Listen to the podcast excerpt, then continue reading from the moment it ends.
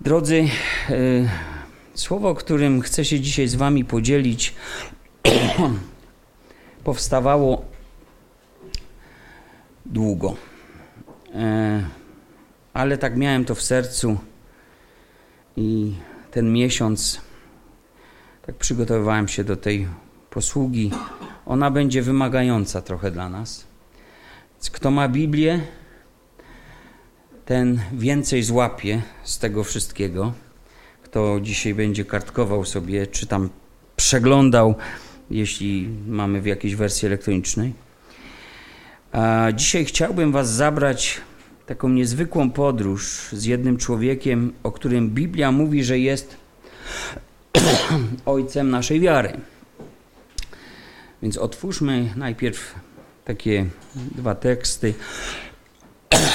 Przepraszam. Pierwsza księga Mojżeszowa, jedenasty rozdział, od 31 wersetu do 12 rozdziału 9 wersetu przeczytamy. Jeden fragment z dziejów apostolskich do tego.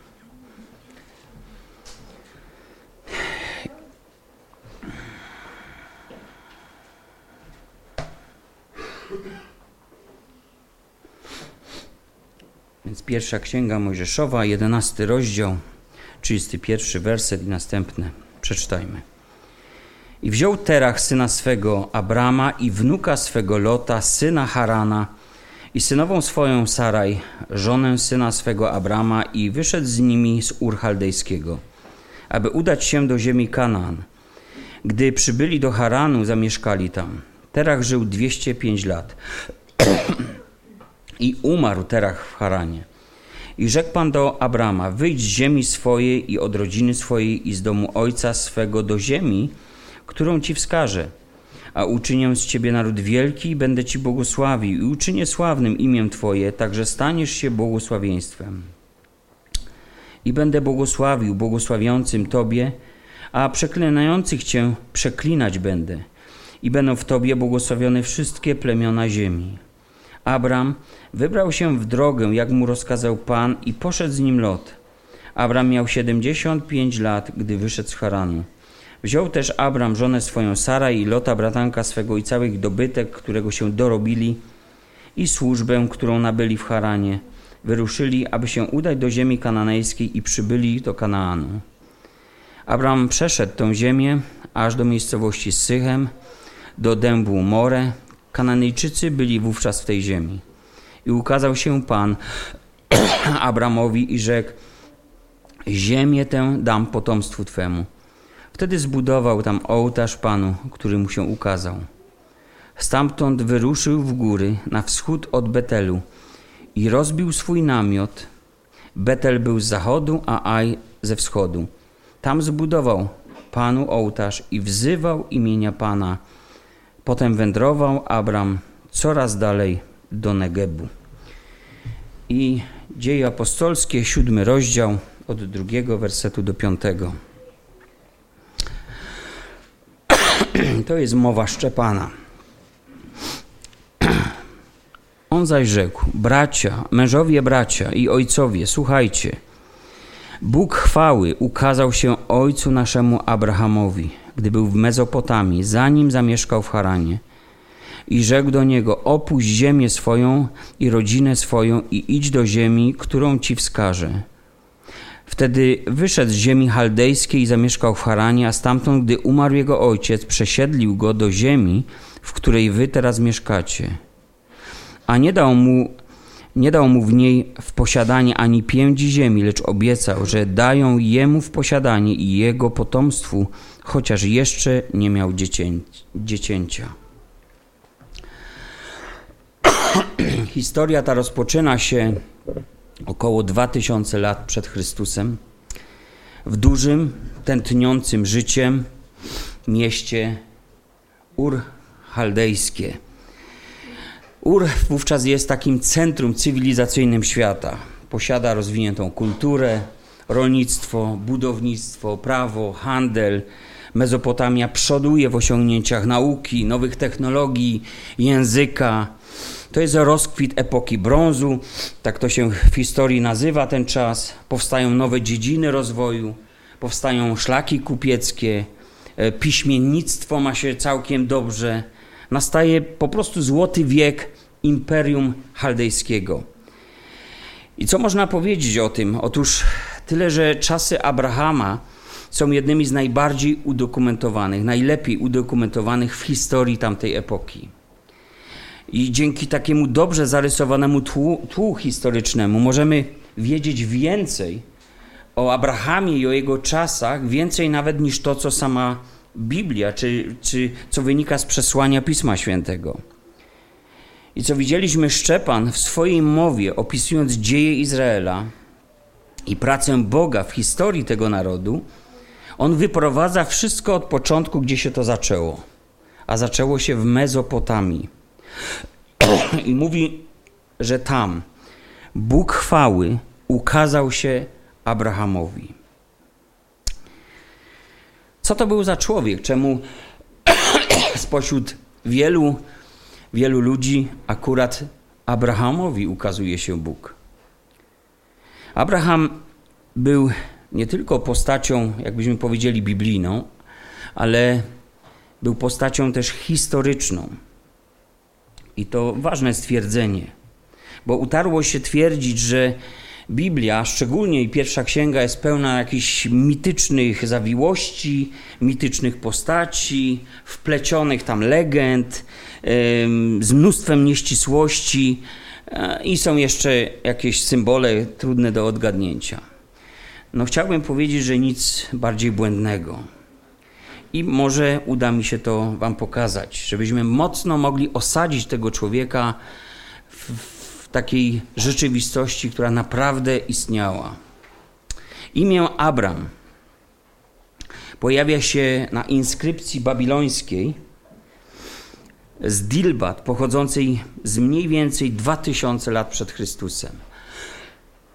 Więc mamy zapis e, istnienia faktycznie kogoś takiego jak Abram.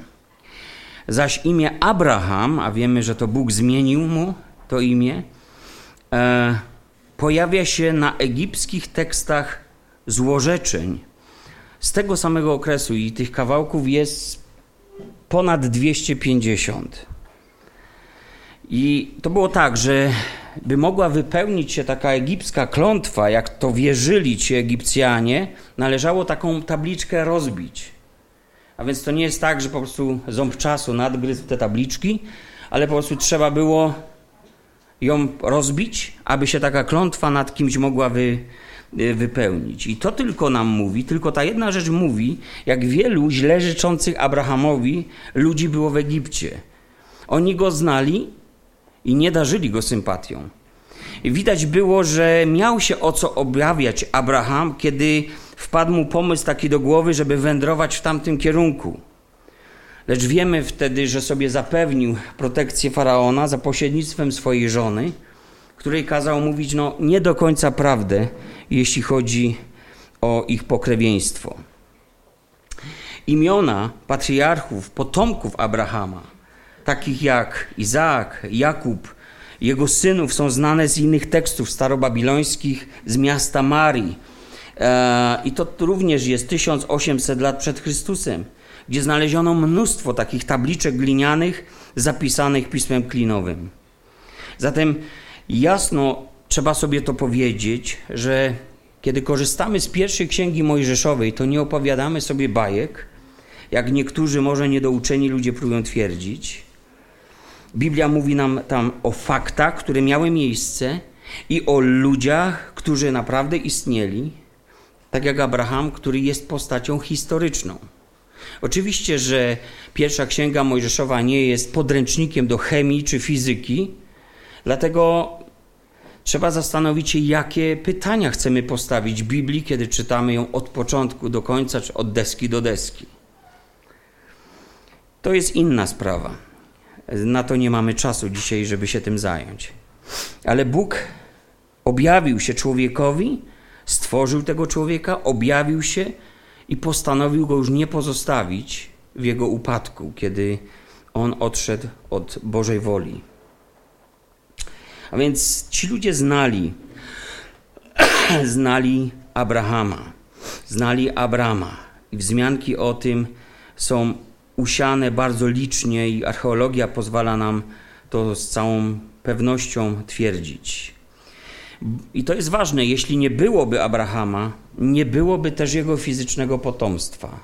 Jeśli nie byłoby Abrahama, nie byłoby też tego duchowego dziedzictwa. Nie bylibyśmy dziećmi wiary Abrahama. E, nie mielibyśmy jakiejś tożsamości, jakiejś historii, jakiegoś początku. A więc to jest zła wiadomość dla sceptyków czy nawet ateistów. Abraham był. Abraham był. Mało tego. Pan Jezus powiedział dwa tysiące lat temu, od nas począwszy, e, i dwa tysiące lat po Abrahamie, Jezus powiedział: Abraham, ojciec wasz, cieszył się, że miał oglądać dzień mój i oglądał i radował się. Czy to nie jest niezwykłe? A potem dodał: Zaprawdę, zaprawdę powiadam wam, pierwej niż Abraham był i jam jest. Ewangelii Jana, 8 rozdział, 58 werset. No i wiecie, że chcieli go zabić za te słowa. Jezus wiedział, że ktoś taki istniał i mało tego znał go osobiście.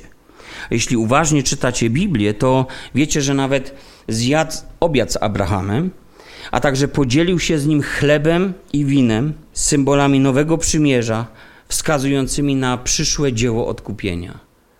To wszystko naprawdę działo się między nimi. Abraham był wyznawcą Boga, którego od początku czczono w Mezopotamii. Czczono oczywiście również innych bogów, którzy byli coraz, coraz bardziej popularni w tym społeczeństwie chaldejskim. Bo tam jest też kolebka wszelkich kultów solarnych, stojących w opozycji do wiary w Boga, któremu zaufał Abraham. Życie Abrahama zaczyna się dla nas opisem, jak widzieliśmy, objawienia Bożego, objawienia Boga, którego on jeszcze tak dobrze nie znał, ale tego Boga adorował, tego Boga czcił. Wiemy, że zanim otrzymał to nowe imię, Abraham nazywał się Abram. Abram to po prostu hebrajska transliteracja e, e, chaldejskiego imienia, jakiego? Abarama. I na tych tabliczkach właśnie takie imię znajduje się Abarama. A Abarama znaczy ojciec wywyższony, a ta hebrajska wersja oznacza o, kochający ojca. A więc to też mówi dużo o samym człowieku. On wywyższał ojca, on był poddany pewnemu porządkowi rodzinnemu, jaki istniał, taki patriarchalny, mocny, silny, ale też kochał swojego ojca. Abraham, czyli to późniejsze nadane mu imię hebrajskie, znaczy ojciec narodów. Ojciec narodów. A więc zobaczmy, Abram jest dziedzicem swego ziemskiego ojca, lecz Abraham odziedziczy obietnice dane mu przez Boga, a jego potomstwo będzie jak gwiazdy na niebie, później usłyszy od Boga Abraham. Skąd się wziął? Mamy genealogię przecież, e, więc cała lista przodków. Abraham pochodził z linii Sema. Od, od tego imienia pochodzą Semici. Sem zaś wywodził się sprzed potopu, z linii rodowej Seta. I w tej linii czytamy w pierwszej Mojżeszowej czwartym rozdziale 26 wersecie wtedy zaczęto wzywać imienia Pana. To jest po upadku, to jest po tym, jak Kain zabił Abla, e, kiedy rodzi się Set, i wtedy zaczęto wzywać imienia Pana. I w tej linii również żył Henoch, który chodził z Bogiem, a potem go nie było, gdyż zabrał go Bóg. Piąty rozdział, 24 werset. Nowy Testament wymienia Henocha, list do Hebrajczyków, jako człowieka wierzącego, którego Bóg nagrodził. W jaki sposób? W taki, że zabrał go Bóg i nie było Henocha. I niestety te dwie linie rodowe, jedna wywodząca się od Kaina, a druga mająca swój początek od Seta, one zaczęły się mieszać. Jedna była linią grzeszników oddających cześć kultom słońca. Brak Boga rekompensowali sobie e, kultem myśli człowieka, kultem człowieka. W tej linii, kiedy poczytacie tę genealogię, oprócz tego, kto był po kim, znajdziecie informację, że tam byli geniusze, tam byli wynalazcy, tam byli rzemieślnicy, tam byli wojownicy, tam byli artyści, tam byli innowatorzy rolnictwa. Więc ten brak Boga jest zrekompensowany czymś, co człowiek musi mieć, aby zapełnić sobie tą pustkę ciągłe pomysły, ciągle iść do przodu. A druga linia, ta odseta, to są ludzie wiary. Kiedy czytacie o tym, kto był po kim, tam nie znajdziecie nic. Oprócz tego, że nawiązano relację z Bogiem. Oprócz tego, że był człowiek, który nauczył się chodzić z Bogiem i tam, gdzie szedł Bóg, tam szedł Henoch. To słowo, które mówi o tym, że Henoch chodził z Bogiem, jest takim samym słowem, które oznacza, że woda płynie w korycie rzeki, a nie sobie płynie gdzie chce. A więc tam nauczono się społeczności z Bogiem, ale te linie zaczęły się mieszać. A więc mężczyźni, Boży synowie i kobiety, córki ziemskie, wchodzili ze sobą w związki i świat się zupełnie pomieszał. Dobro zmieszało się ze złem, prawda zmieszała się z fałszem, i fałszywa religia z tą prawdziwą wiarą w jedynego Boga. Oczywiście są takie teorie, że tam aniołowie stąpili, yy, yy, współżyli z córkami ziemskimi, natomiast ta wersja wydarzeń w żaden sposób nie współgra z tą naturalną, która po prostu pokazuje nam, skąd się w ogóle wziął potop i i to jest trochę tak, że jedenasty rozdział tłumaczy nam, dlaczego Bóg przemówił do Abrahama, i tak samo piąty, szósty rozdział tłumaczy nam, dlaczego pojawił się potop. I to wszystko ze sobą współgra, jeśli na to w ten sposób spojrzymy. I Biblia mówi, że z tych związków rodzili się tam mocarze, olbrzymi.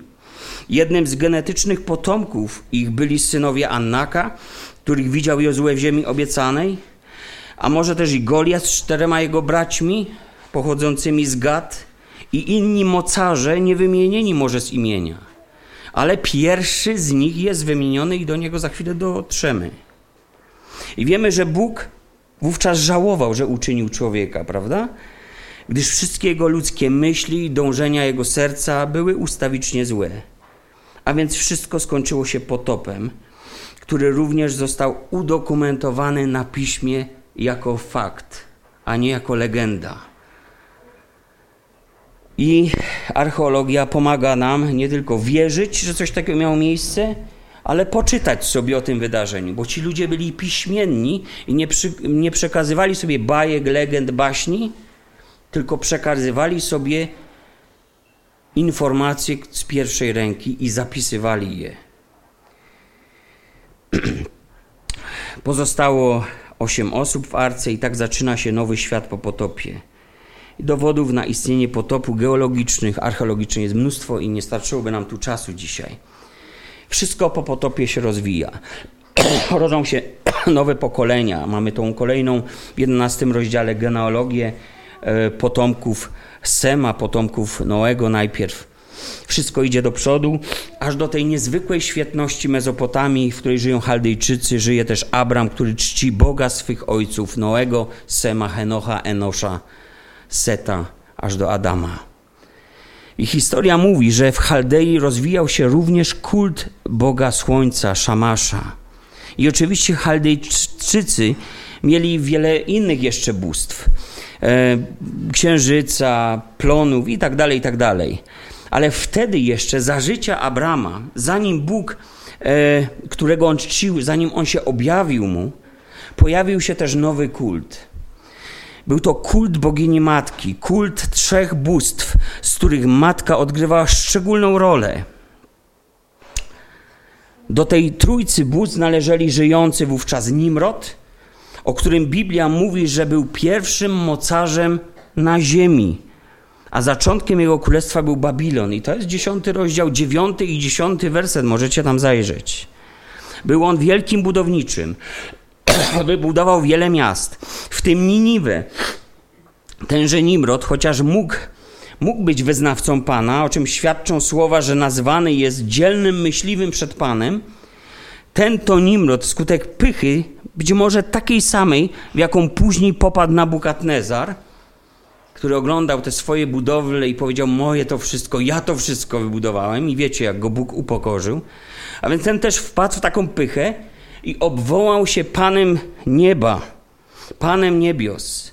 W języku hebrajskim Nimrod znaczy Bóg gwiazd, Bóg niebios, zaś jego hebrajskie tłumaczenie tego imienia to buntownik. Jego żoną była Semiramis, nazywana królową niebios, a jej, ich syn Tamus przedstawiony był jako bóstwo obfitości, urodzaju, płodności. I właśnie wtedy, gdy żyje Abram, kult tej bezbożnej trójcy obejmuje już większość społeczeństwa chaldejskiego. Bóg powołuje sobie Abrama, aby go wyprowadzić z tego miejsca, aby go oddzielić od reszty tych ludzi, gdyż ma wielki plan dla niego, a zbliża się też sąd nad tym miejscem, który będzie, e, ten plan będzie realizowany w przyszłych pokoleniach, a sąd również przyjdzie i to rychło. Plan Boga zacznie się od jednego człowieka. Lecz zanim Abram stanie się Abrahamem, zdolnym unieść odpowiedzialność za to, co Bóg chce uczynić, minie jeszcze bardzo dużo czasu. Oczywiście ktoś mógłby zapytać, skoro Bóg zmiódł potopem ten stary świat z jego bezbożnością, to skąd ta eksplozja pogańskiej religii już po potopie? Przecież zostali tylko Boży ludzie. Oczywiście nie mamy tyle czasu, ale znajdziecie też wzmiankę o Noem i o tym, co się tam wydarzyło z jednym z jego synów.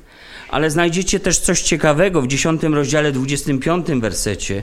Otóż czytamy, że Heberowi urodzili się dwaj synowie. Jeden miał na imię Pelek, gdyż za jego czasów podzielili się mieszkańcy ziemi, a imię brata jego było Joktam. Otóż Pelek i Joktam podzielili się, a z nimi za nimi poszli jedni mieszkańcy i drudzy za jednym lub drugim. I był to rozla, rozłam najprawdopodobniej na tle religijnym. I wtedy ma miejsce powrót do religii sprzed potopu. To jest początek znowu tych kultów oddawania czci Bogu Słońcu, kultów solarnych. E, I to jest początek kultu Nimroda, Semiramis, e, Tamuza i wszelkich innych bóstw. To jest początek tych kultów e, właśnie. I we wszystkich religiach później są odwzorowania, jakby odbicia tych kultów. Zobaczcie, bardzo wiele różnych kultur zmieniają się tylko nazwy, ale wszystkie są przyporządkowane tym trzem: Nimrodowi, Semiramis i Tamuzowi. I wiemy, co było dalej. Ludzie uprawiają kult i budują wieże. Ja wiem, że to niechronologicznie troszkę nam brzmi rozdział po rozdziale, ale myślę, że ten jedenasty rozdział, zanim czytamy o wyprowadzeniu Abrama z Ur, jest pokazaniem nam tła, w jakim ten człowiek opuszcza to miejsce. A więc ludzie uprawiają kult i postanawiają wybudować wielką wieżę, dziś znaną z odkryć archeologicznych jako Zigurat w Urchaldejskim. I właśnie obok tego miejsca, obok ruin urchaldejskiego, w tym samym miejscu, w którym niegdyś Nabukadnezar, niegdyś Nabukadnezar wzniósł swój posąg i chciał, aby wszyscy mieszkańcy ziemi oddali cześć temu posągowi. Tam właśnie w tym roku papież Franciszek spotkał się z wszystkimi potomkami Ismaela. O co mogłoby chodzić? Otóż o jedno, jak e, napisała prasa, ta wizyta miała jeden cel: zgromadzenia razem różnych wiar i powiedzenie sobie, jesteśmy ludźmi, którzy mają tego samego Ojca i winniśmy naszemu Ojcu posłuszeństwo. To samo przymierze zostało zawarte między Izraelem a synami, potomkami Ketury, czyli drugiej żony Abrama i zupełnie świat zaczął iść w inną stronę. W tą samą, jak kiedyś przed czasami wieży Babel. Chodzi o zjednoczenie wszystkich wiar, w których jest jakiś kult solarny. Okazuje się, że to jest właśnie ważne do dnia dzisiejszego, bo Tam w Ur Chaldejskim to miejsce jest ważne, bo to jest kolebka wszystkich takich kultów. Bo choć zmieniały się imperia, zmieniały się kultury, zmieniały się nazwy bóstw, te kulty przetrwały do dzisiaj pod innymi nazwami, są dokładnym odbiciem w każdej szerokości geograficznej. Więc wieża Babel miała okazać się cudem ludzkiej myśli technicznej, e, czymś genialnym jak na owe czasy w budownictwie. E, to właśnie w Mezopotamii nauczono się nowych sposobów budowania. I szczytem tej myśli technologicznej, tej myśli człowieka, miała być wyrażona e, ku czci Nimroda ta budowla. I wieża ta w sposób symboliczny też miała połączyć wielbiony świat gwiazd ze światem ludzi. Miała wywyższyć Nimroda aż do gwiazd. Miała dać Semiramis absolutną władzę, a Tamuzowi otworzyć drogę do wszelkiego rodzaju urodzaju dla ludzi. Taki Zbawiciel, urodzajny. I ta wieża była ludzkim manifestem, mówiącym Bogu, nie potrzebujemy Ciebie, bo możemy sami być bogami. Chyba już to znamy z czytania e, historii w ogrodzie Eden, kiedy wąż zwiódł pierwszych ludzi. A więc cel był jeden: miał zjednoczyć świat pod jednym sztandarem, pod sztandarem Nimroda, w jednym celu, dla jednego kultu. Bóg udaremnił te ludzkie zamysły. Postanowił ukarać ludzi w dwojaki sposób. Pomieszał ich języki i rozproszył ich. Oni tego nie chcieli ale rozproszył ich. Do dzisiaj naukowcy, genetycy, specjaliści zastanawiają się, co mogło spowodować tak nagłe pomieszanie języków, bo przecież język się zmienia, ale nie w taki sposób. I otóż okazuje się z najnowszych badań, co sugerują naukowcy, że ten fenomen, za ten fenomen pomieszania nagle wszystkich języków odpowiada pierwsza epidemia na świecie, jaka miała miejsce. Tylko w ten sposób potrafią sobie wytłumaczyć takie nagłe pomieszanie. Tłumaczą to w ten sposób, jako ciekawostkę podam. W naszym mózgu istnieją dwa odrębne ośrodki: ośrodek mowy i ośrodek zrozumienia mowy, przetwarzania tej mowy, tego co słyszymy, na coś, co rozumiemy. I coś przyszło na ludzi, co doprowadziło do upośledzenia tych ośrodków. I ludzie, nie mogąc się ze sobą porozumieć, po prostu zaczęli się rozchodzić po całym świecie. Ten jeden cel po prostu został pogrzebany, dla jakiego mieli tam pozostać. Świat zbudowany na kulcie Nimroda po prostu runął. I potem Bóg, gdy Abraham dotrze do Kanaanu, powie do niego, że to na nim zbuduje wszystko od nowa. Z ciebie stworzę imię, od ciebie wyjdzie dziedzic, na tobie zbuduje wszystko od nowa, tak jak to miało być. I powie do niego Bóg: spójrz ku niebu i policz gwiazdy, jeśli możesz je policzyć i rzekł do niego, tak liczne będzie potomstwo Twoje. Wtedy uwierzył Panu, a on poczytał mu to ku usprawiedliwieniu. A więc jeszcze wracając na moment do chronologii tych wcześniejszych wydarzeń, wszystko wskazuje na to, że jedenasty rozdział jest tłem opisującym nam wyjście Abrahama z Chaldejskiego. Tak jak piąty i szósty rozdział jest tłem opisującym nam powód, przyczyny tego globalnego potopu, jaki Bóg zesłał na ludzkość.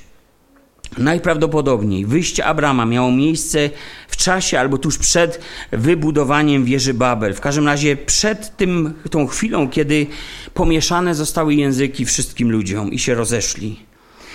Tak sobie pomyślałem wtedy, jak doszedłem do tych informacji, do tych wiadomości, że Pan zawsze wyprowadzał swój lud, zanim ukarał ziemię sprawiedliwym sądem.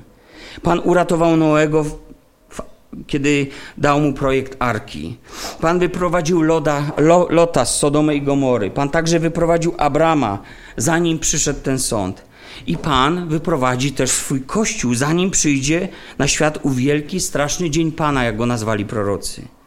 I dziś słowo cały czas nam przypomina o oddzieleniu. Drugi Koryntian, szósty rozdział, siedemnasty werset. Wyjdźcie spośród nich i odłączcie się, mówi Pan i nieczystego nie dotykajcie, a przyjmę was.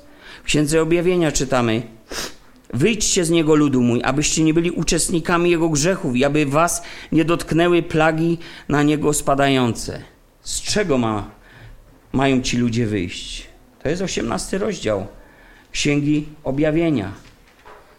Siedemnasty mówi o wielkiej nie rządnicy, a osiemnasty o upadku wielkiego Babilonu, wielkiego systemu religijnego, jednego dla wszystkich.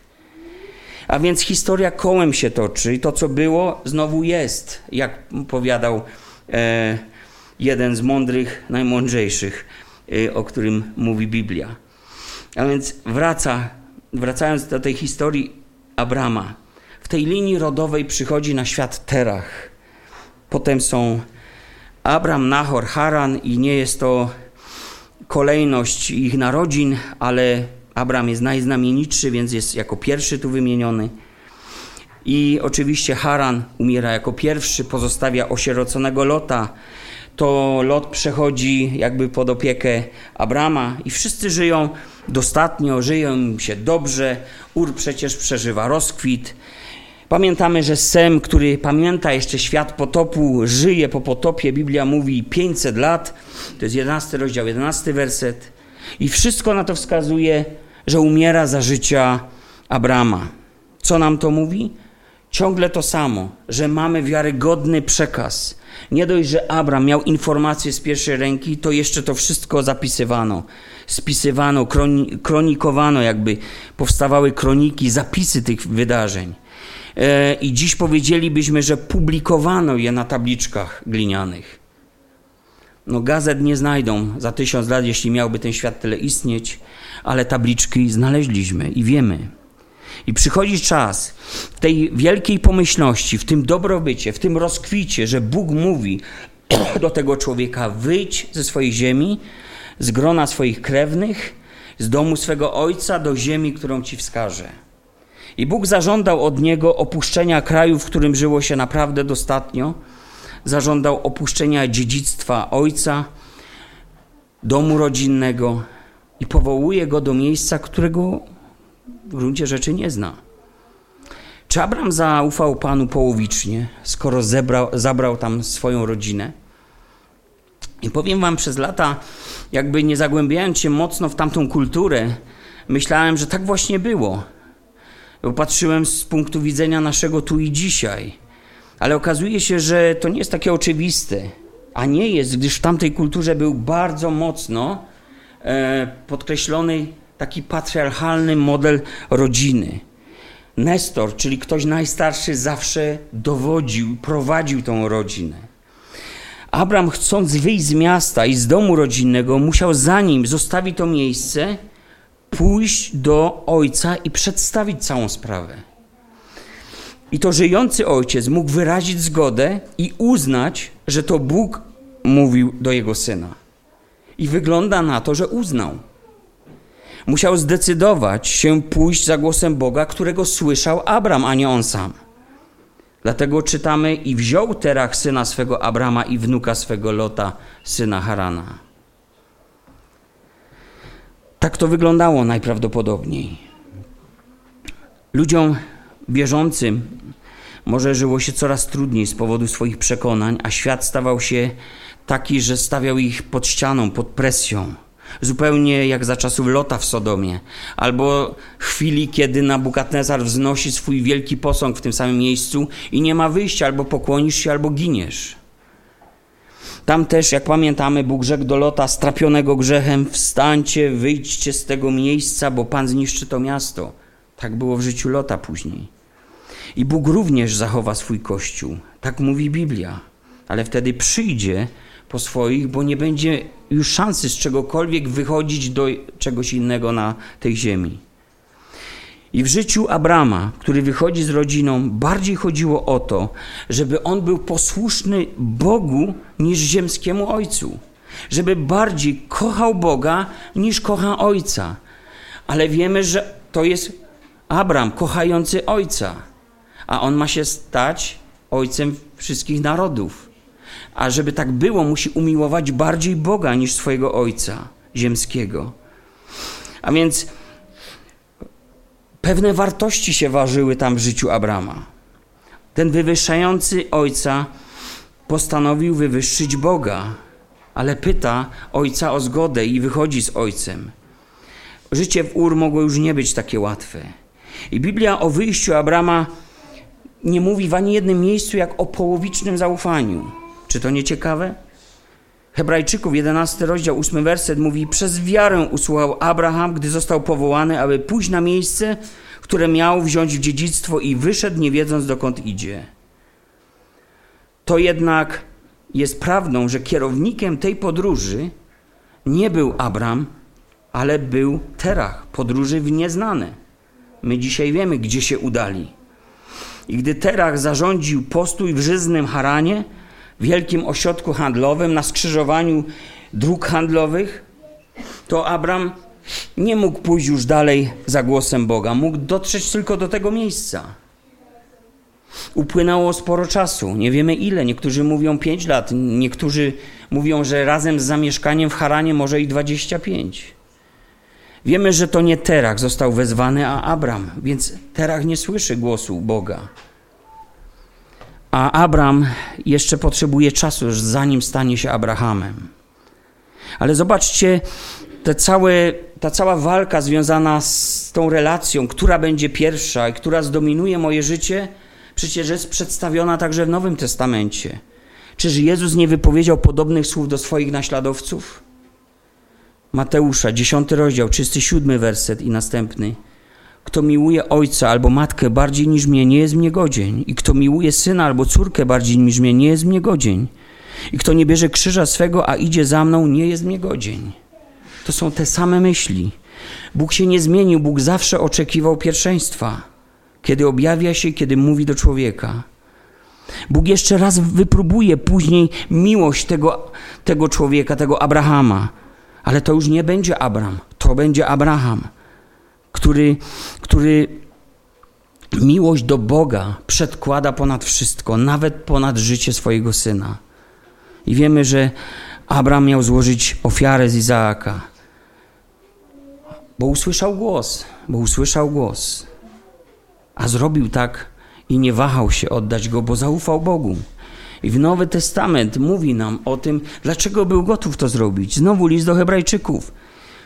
Czytamy w 11 rozdziale, 17 wersecie. Przez wiarę Abraham przyniósł na ofiarę Izaaka, gdy był wystawiony na próbę i ofiarował jednorodzonego, on, który otrzymał obietnicę, do którego powiedziano: Od Izaaka nazwane będzie potomstwo Twoje. Sądził, że Bóg ma moc wskrzeszać nawet umarłych to też jakby z umarłych, mówiąc obrazowo, otrzymał go z powrotem. Drodzy, kiedy Abram dotarł do Kanaanu, wiemy, że stało się to dopiero po śmierci taty.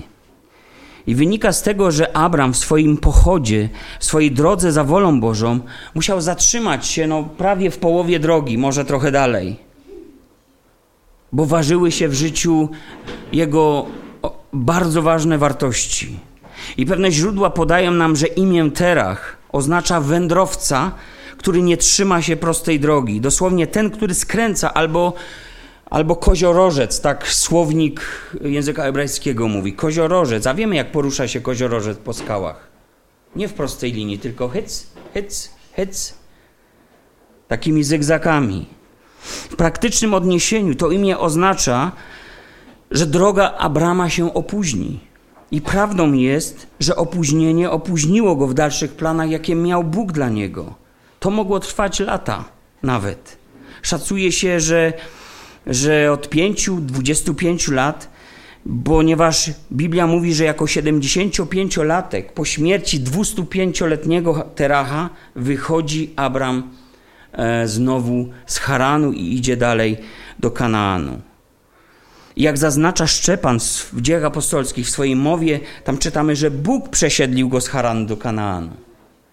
Ciekawa myśl, bo wtedy, gdy ojciec żył, wtedy jakby nic się nie działo. Ale kiedy ojciec odszedł, kiedy nie było już tego konfliktu lojalności, wtedy Abraham znowu odczuł to brzemię na swoim sercu, to głębokie przekonanie i poddał się mu, i Bóg mógł przesiedlić go dalej. Był skłonny wrócić może nawet do zadawania pytań, jakie my byśmy zadawali. Może takie, jeśli dotarłem do właściwego miejsca, to czemu Bóg tego nie potwierdza? Czemu znowu go nie słyszę, jak tam w Ur? Dlaczego nie mam dalszych instrukcji? Czemu ponownie nie objawił mi się Pan? I zobaczcie, że Bóg nigdy nie daje dalszej instrukcji, jeśli nie wypełniamy tego, o czym już wiemy. Bóg objawił się znowu, ukazał się znowu Abrahamowi, ale gdzie, kiedy? Kiedy Abraham dotrze do Kanaanu. 12 rozdział 7 werset i ukazał się Pan Abrahamowi, Abrahamowi. I pomyślmy, na czym polegałaby dzisiaj trudność, moja, twoja, gdyby każdy z nas otrzymał takie polecenie od Boga pod tytułem wyjdź. Wyjdź z ziemi swojej. Może Bóg powiedziałby dziś, wyjdź z tego komfortowego gniazdka, idź drogą, której nie znasz i nie wiesz, co cię na niej czeka, co cię spotka? Uwierzyłbyś na słowo Bogu? Uwierzyłabyś? Zaufałabyś? Co dzisiaj zatrzymuje ludzi w drodze za Panem? Jeśli przeczytamy, też nie mamy na to czasu, o czterech rodzajach gleby, na którą padło słowo, przypowieść Jezusa, to znajdziemy wiele powodów, które zabierają człowiekowi posiane w nim słowo. A Haran? Co powiemy o Haranie? Czy ta ziemia mogła zatrzymać ich? Mogła. Haran był żyzny, zapewniał dostatnie życie. Tam się fajnie handlowało. Skrzyżowanie szlaków handlowych. To były tereny prosperity, to były tereny obfitości. Nikt przy zdrowym rozumie nie chciałby tego opuścić. Zamiana Ur za Haran, okej, okay, to można zrobić. Ale pójść do Kanaanu, to już inna historia. A więc gdy Terach umarł, Abraham ruszył w dalszą drogę. Gdy w końcu doszedł do Kanaanu, tam zbudował Panu ołtarz. Archeolodzy pomogli nam. To, co widzicie na zdjęciach, jest datowane na czas życia Abrama. Czy na pewno to jest ołtarz Abrama? Nie możemy tego powiedzieć z całą pewnością, ale któż inny mógłby budować wtedy ołtarze Panu? To nie jedyny oczywiście ołtarz. Okolice Betel to prawdopodobnie jego potomkowie Abrama również budują ołtarze Panu. A więc to są znowu punkty, które są, mówią nam, że to są fakty historyczne, że ten człowiek żył, że ten człowiek przeżył to wszystko, o czym mówimy tu dzisiaj. I choć dotarł w końcu do tej ziemi, słuchajcie, to przyszedł w dość niesprzyjających okolicznościach do Kanaanu. Pierwszy Mojżeszowa, 12 rozdział, 10 werset zaczynają się takimi słowami. Kiedy zaś nastał głód w tym kraju, Abraham udał się do Egiptu. A więc postanowił iść dalej. Postanowił iść dalej. Tutaj zatrzymali się z tatą. W końcu doszedł do Kanaanu, a potem postanowił iść aż do Egiptu.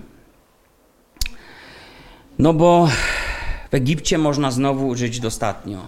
Więc taka zamiana Ur za Haran, Haran za Egipt, okej, okay, to jestem w stanie zrobić.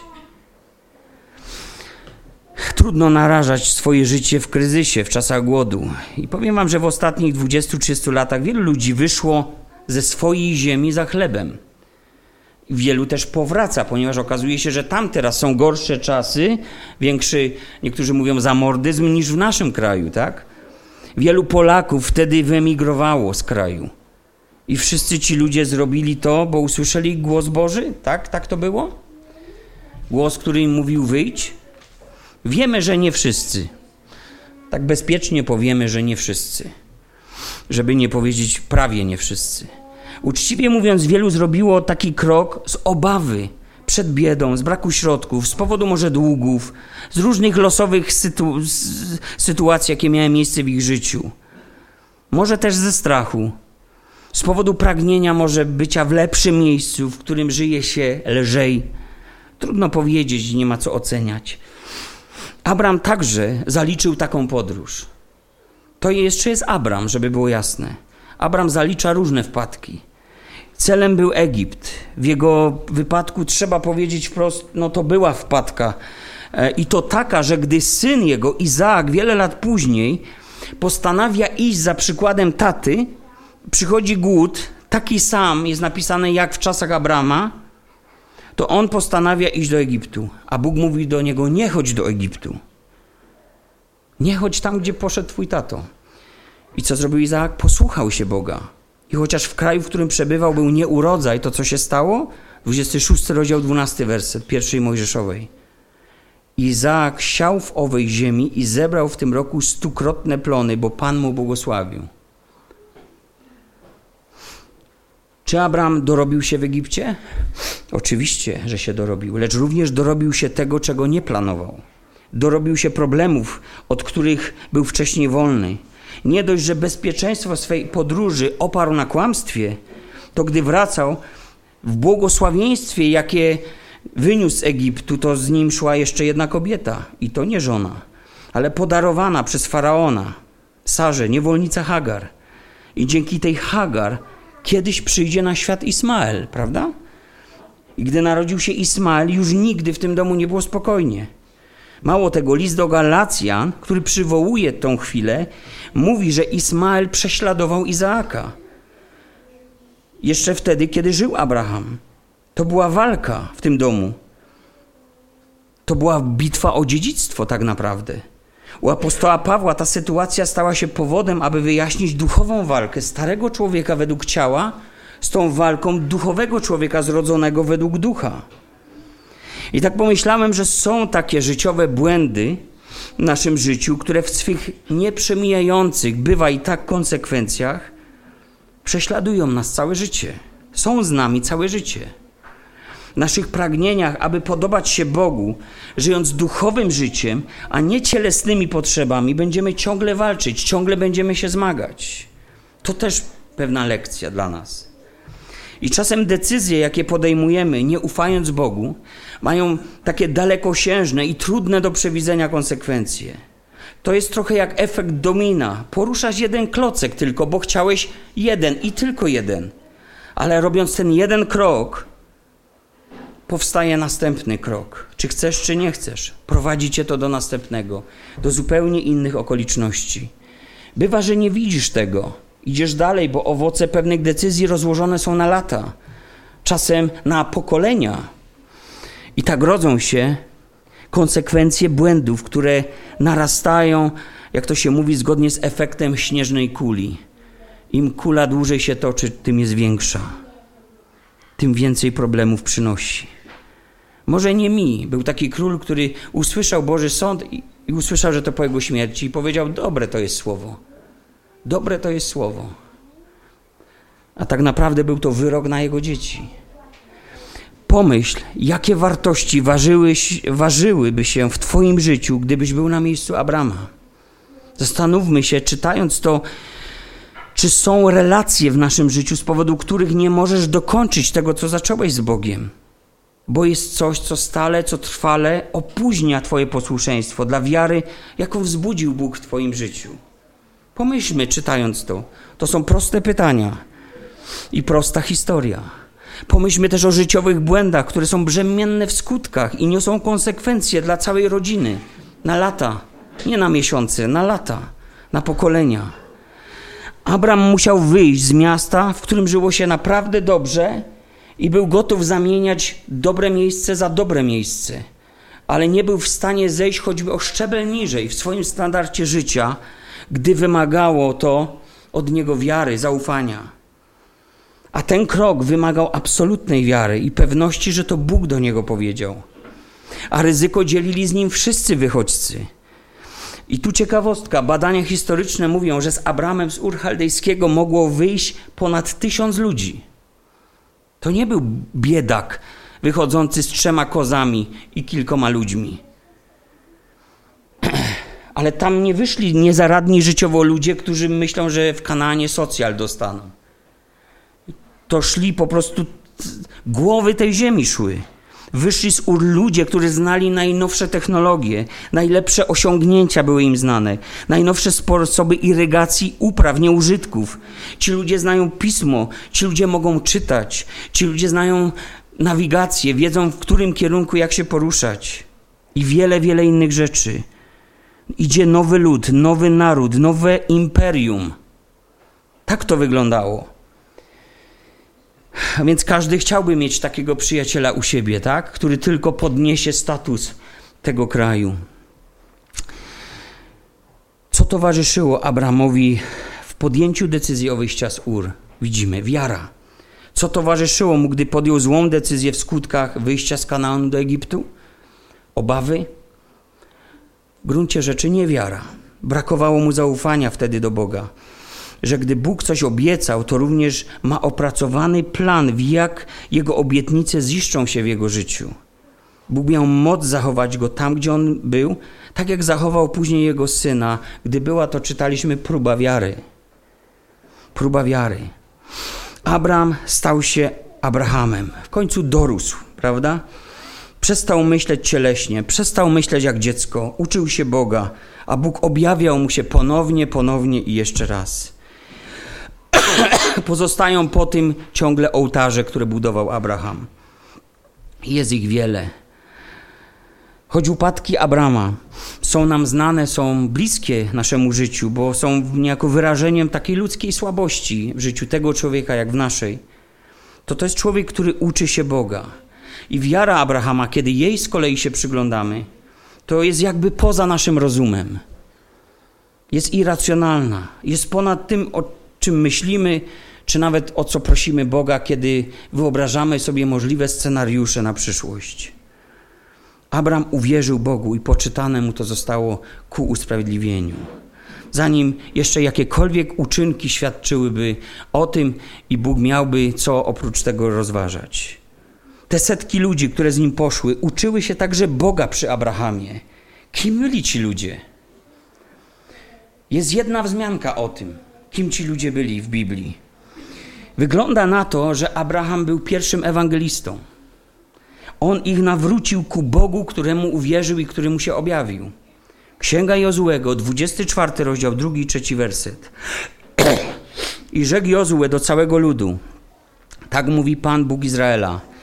Dawnymi czasy mieszkali za rzeką ojcowie wasi, Terach, ojciec Abrahama i ojciec Nahora, i służyli innym bogom.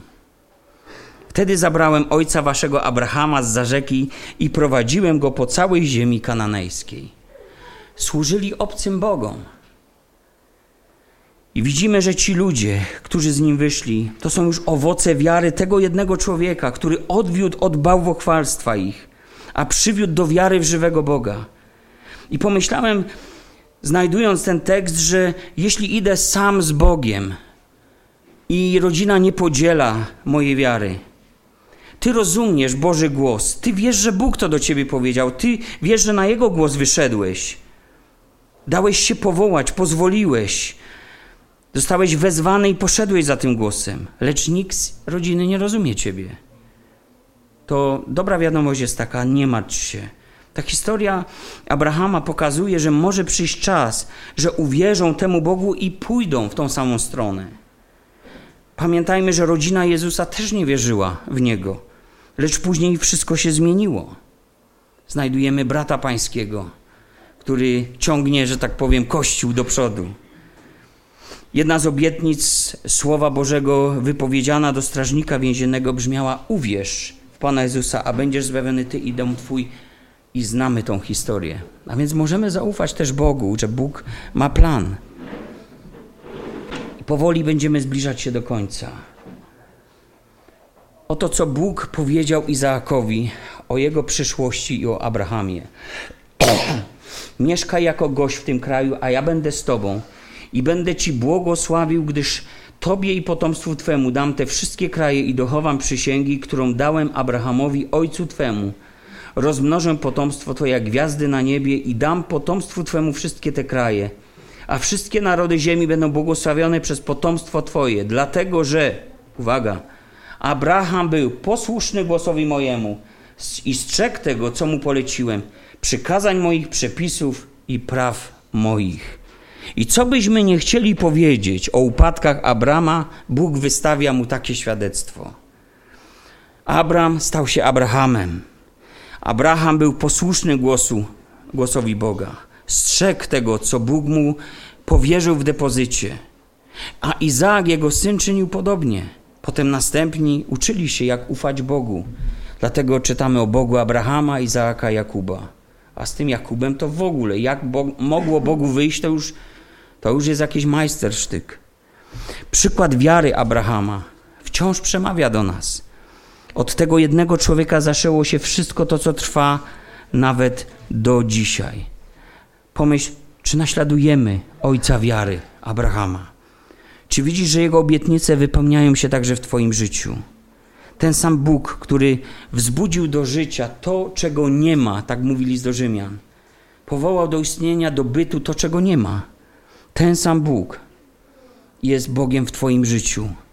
Ten sam Bóg wzbudził Jezusa z martwych. I ten sam Bóg używa tej samej mocy względem naszego życia, kiedy nas prowadzi.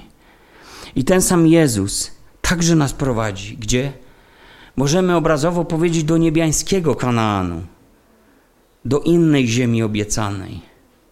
I w wierze pielgrzymując, jesteś usprawiedliwiony przed Panem, tak jak Abraham, gdy wierzysz mu na słowo, który powiedział kiedyś: Wyjdź. I Abraham poszedł za tym głosem. A my? Czy ty wyszedłeś już, kiedy Bóg mówi: Uwierz w Pana Jezusa, a będziesz zbawiony? Czy wyszedłeś już z tego stanu grzechu, w którym jesteś? Czy słowo Boga towarzyszy Twojemu życiu? Może nie budujemy jak Abraham ołtarzy, ale czy pytasz Boga o miejsce, w którym jesteś? Czy szukasz Jego woli? Czy trwasz w społeczności z Panem? Jak myślisz, czego oczekiwał Pan od Abrahama w społeczności z nim? Miał wtedy 99 lat już i Pan ukazał mu się podobnie, ponownie i powiedział do niego: Biblia Warszawska mówi: Ja jestem Bóg Wszechmogący, trwaj społeczności ze mną i bądź doskonały. Żyj blisko ze mną. Żyj w zażyłości ze mną. W innych przekładach czytamy, a dosłownie macie tu wyświetlony przekład dosłowny, ale też hebrajski idzie za tym: przechadzaj się przed moim obliczem. A wiemy, że po ogrodzie Eden Bóg się przechadzał. A Adam słyszał szelest, czy też hebrajski mówi szept przechadzającego się Boga. W ciszy i zaufaniu będzie nasza moc. Potrzebujemy tego dotknięcia ciszy, tego miejsca, w którym ja i Bóg spotykamy się i Bóg mówi, a my idziemy za tym głosem. Bądź nienaganny, powiedział do niego Bóg. Innymi słowy mówiąc, przychodź przed moje oblicze, ale bez grzechu. Dlatego Abraham buduje ołtarze przez wiarę w tego, który gładzi jego grzechy, w tą objawioną mu ofiarę zastępczą baranka Bożego. Przez tą samą wiarę, w jaką, z jakiej Abel składał swoje ofiary, a Henów chodził z Bogiem i został zabrany przez Boga. To ta sama wiara. I my możemy przychodzić w naszym życiu w ten sposób przed, przed Boże oblicze. Wiecie, nie wiem, czy dożyję wieku Abrahama 99 na przykład tutaj. Oczywiście on żył dłużej. A pewnego razu, kiedy Jezus mówił pierwej niż Abraham jam jest, kiedy się oburzyli, to powiedzieli 50, 50 lat jeszcze nie masz, a Abrahama widziałeś? Że w tym miesiącu właśnie uderzy mi pięćdziesiątka, to tak pomyślałem, że trzeba usiąść do Abrahama i trzeba przestudiować jego życie. Może, może tak było, że gdy miał 50 lat, to usłyszał wyjść. No wątpię, że dożyjemy jego wieku, ale to tylko oznacza, że mamy mniej czasu niż on, by nauczyć się Boga. Więc Pan przypomina ciągle każdemu z nas: wyjdź, jeśli jesteś w bezbożnym miejscu. Wyjdź, jeśli trwasz w grzechu, to wyjdź z tego grzechu. Wyjdź, jeśli z sercem i umysłem jesteś w tym, co jest nieczyste, i trwaj w społeczności ze mną. To jest dostępne. Bądź doskonały przed moim obliczem, a w Chrystusie wiemy, że mamy przypisaną tą doskonałość. Ponieważ co mówi Słowo? Albowiem jedną ofiarą uczynił nas zawsze doskonałymi tych, którzy są uświęceni. A uświęceni to ci powołani, to ci oddzieleni, To ci przeznaczeni, jak nasz ojciec wiary Abraham, którzy usłyszeli wyjść i bez chwili zwłoki wyszli. To ci sami, którzy usłyszeli pójdź za mną i rzucali sieci, rzucali cło, rzucali swój biznes i szli za nim. Może dzisiaj do ciebie mówi Pan wyjdź. Nie wiem z czego, ale ty i Pan wiecie. Zostawię to w tym miejscu. Niech Słowo Boga będzie błogosławione w naszych sercach. I mam nadzieję, że ta pierwsza księga Mojżeszowa stała się nam bliższa i bardziej osadzona w rzeczywistości faktów. To naprawdę się zdarzyło. On naprawdę istniał. On naprawdę przeżył te rzeczy, a Bóg naprawdę się mu ukazał. To jest nasz Bóg. Jemu niech będzie chwała. Amen.